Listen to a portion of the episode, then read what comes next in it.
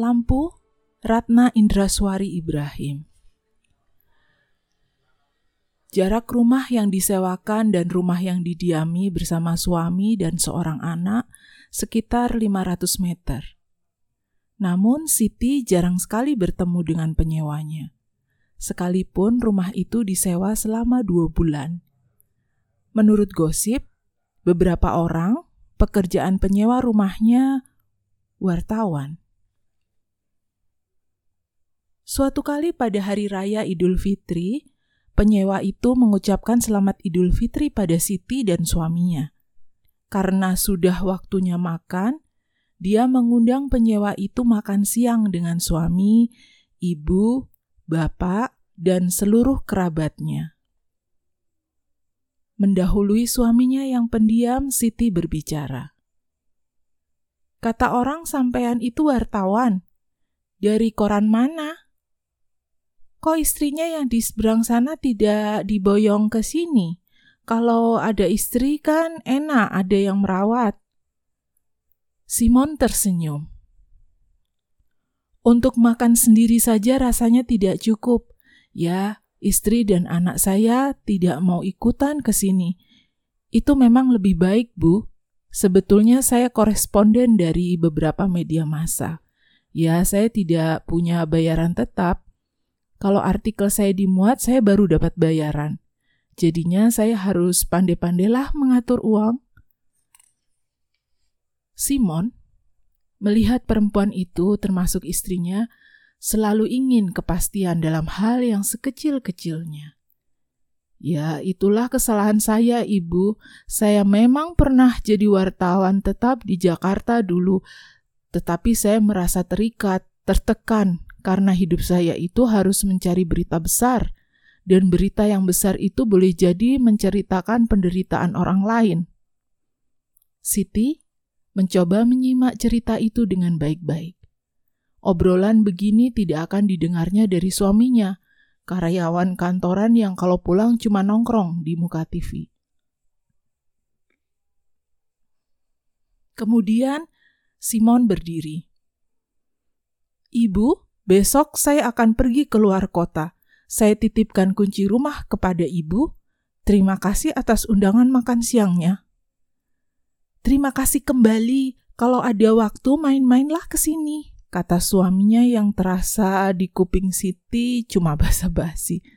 Suatu kali seorang tetangganya bilang, di rumah yang sampean kontrakan itu, siang malam lampunya menyala terus. Mungkin dia lupa mematikan lampunya. Dimatikan saja daripada konsleting. Siti dengan marah menuju rumah yang dikontrakkannya itu. Ia akan menegur kelalaian yang dilakukan laki-laki yang menyewa rumahnya. Rumah ini berbau asap rokok yang tebal. Dia membuka jendela kamar ini. Di meja tulis terletak radio kecil, setumpuk buku, dan koran bekas sisa gula yang sudah dikerumuni semut dan sebuah buku tebal yang ditaruh di laci meja. Iseng, Siti membuka buku itu. Isinya nomor telepon, alamat-alamat, dan berita-berita yang dikliping. Persis, di tengah buku itu ada tulisan begini. Pemiliknya, Ibu Siti, ibu dari seorang anak laki-laki berwajah manis. Buku itu, lembar berikutnya masih belum ditulis apa pun. Siti ingin marah pada laki-laki itu, berani-beraninya memuji istri orang. Namun, Siti terlihat ada kaca kecil di sana. Ia berkaca dan tersenyum. Lakinya sudah lama tidak mengatakan itu padanya. Berhari-hari Siti menunggu laki-laki itu. Dan pada hari gerimis, Simon datang sambil membawa sebuah patung kecil berwajah Dewi untuknya. Ketika melihat patung ini, saya teringat Ibu Siti. Siti tergagap-gagap menerima hadiah itu. Beberapa hari kemudian laki-laki itu pergi lagi dan Siti merasa wajib membaca buku ini. Saya sedang melacak tanah yang mungkin diketahui pejabat daerah ini, mudah-mudahan bisa dimuat di koran. Ya, saya kadang-kadang seperti orang idealisme yang tolol karena keuangan saya membuat saya hanya bisa makan dua kali sehari. Sementara itu kontraktor sudah membujuk saya untuk mendiamkan kasus ini. dengan hadiah uangnya yang kelewat banyak. Siti terhenyak. Sesungguhnya dia tak pernah menjadi anak orang kaya. Suaminya sekalipun sarjana juga bukan laki-laki kaya. Namun, kalau untuk makan dan jajan anak-anak dia masih mampu sekalipun di zaman seperti ini. Apalagi di tempat ini daerah kos-kosan dan ada 20 anak yang catering dengannya. Kalau dia lapar, Siti tidak berkeberatan memberinya sepiring nasi. Tapi bagaimana mengatakan hal ini pada Simon? Karena kalau dia tak punya uang, bisa makan di tempatnya. Ketika lelaki itu sudah pulang, Siti menyuruh anaknya mengantar lauk pauk dan nasi. Namun lelaki itu bilang, Aduh, jangan merepotkan. Om kadang-kadang tidak ada di rumah. Nanti kalau Om ingin mencicipi masakan ibu, Om akan ke sana. Ibumu baik sekali, bilang kepadanya. Terima kasih. Siti merasa laki-laki itu tidak mau menerima pertolongannya. Ini sungguh menjengkelkan. Laki-laki itu memang angkuh. Bukankah berdosa kalau kita kenyang dan ada tetangga yang lapar? Dia akan menerangkan hal itu kepada Simon. Pagi ini Siti membuka catatan harian itu. Aku sebetulnya malu ketemu Purba yang menraktirku di restoran itu. Sekalipun kalau tidak ditraktir, besok aku sudah tidak punya uang untuk makan. Ia juga memberikan aku uang yang bisa untuk hidup selama sebulan. Aku tidak menyangka teman-teman sepermainanku semasa kecil bisa sekaya ini. Dia juga memberi tiket kapal dan menyuruhku pulang sembari berkata, Aku tahu kamu punya kebun lada yang luas di desa kita. Juga ada anak dan istrimu. Daripada di sini hidup tak keru-keruan, kan lebih baik di sana. Kau masih bisa menulis dan mengirim ke media massa dari desa kita. Aku tidak tahu lagi bagaimana berkebun. Yang penting aku tidak ingin merusak jiwa anak-anakku yang sudah menganggap sepupuku itu bapak mereka dan aku pun sudah tidak mau bertemu bapakku yang sudah tua dan sakit-sakitan itu sungguh. Aku merasa sudah tidak bisa bertemu dengan lelaki yang tidak bisa kucintai. Dia yang selalu mengatakan sifatku seperti banci, karena aku selalu takut berkelahi. Padahal adik perempuanku tidak. Aku masih ingat bagaimana ia mencambukku. Peristiwa itu pas aku kelas 5 SD teman sekelas mengambil uangku dan aku tak berani meminta uang itu kembali. Di sini lain, aku lagi seru-serunya melacak kecurangan aparat dalam mengganti rugi tanah penduduk. Rasanya menjijikkan kalau aku tak berani mengungkapkan hal ini. Ya, aku ingin menyalahkan rasa takut yang ada di seluruh urat nadiku. Ya, mungkin aku akhir-akhir ini sering depresi. Tapi malam-malam aku sering bermimpi bercinta dengan perempuan sederhana yang melihat dunia ini dari matanya yang indah tentang kebaikan manusia saja. Jika akulah suaminya, aku tidak ingin menceritakan tentang kekejian masyarakat yang sering kutemui di lapangan. Ibaratnya Siti adalah Dewi yang bernyanyi dan mandi di telaga. Alangkah bahagianya orang yang masih menganggap kekejaman adalah raksasa yang pasti kalah dengan satria. Ya Tuhanku, apa mungkin ada satria seperti yang sering ku dengar dari dongeng ibuku masa kecil? Karena aku mungkin tidak jadi memuat artikelku yang mengusut kebejatan dan ketimpangan sosial, aku betul-betul butuh uang. Siti Terperangah membaca buku ini, lelaki itu sudah tidak punya uang lagi untuk membeli makanan di warung, atau bisa jadi dia cuma makan sekali di warung. Besok, dia akan mengatakan hal ini kepada suaminya, apa yang dibacanya. Setuju atau tidak, dia akan tetap mengantarkan makanan ke rumah ini.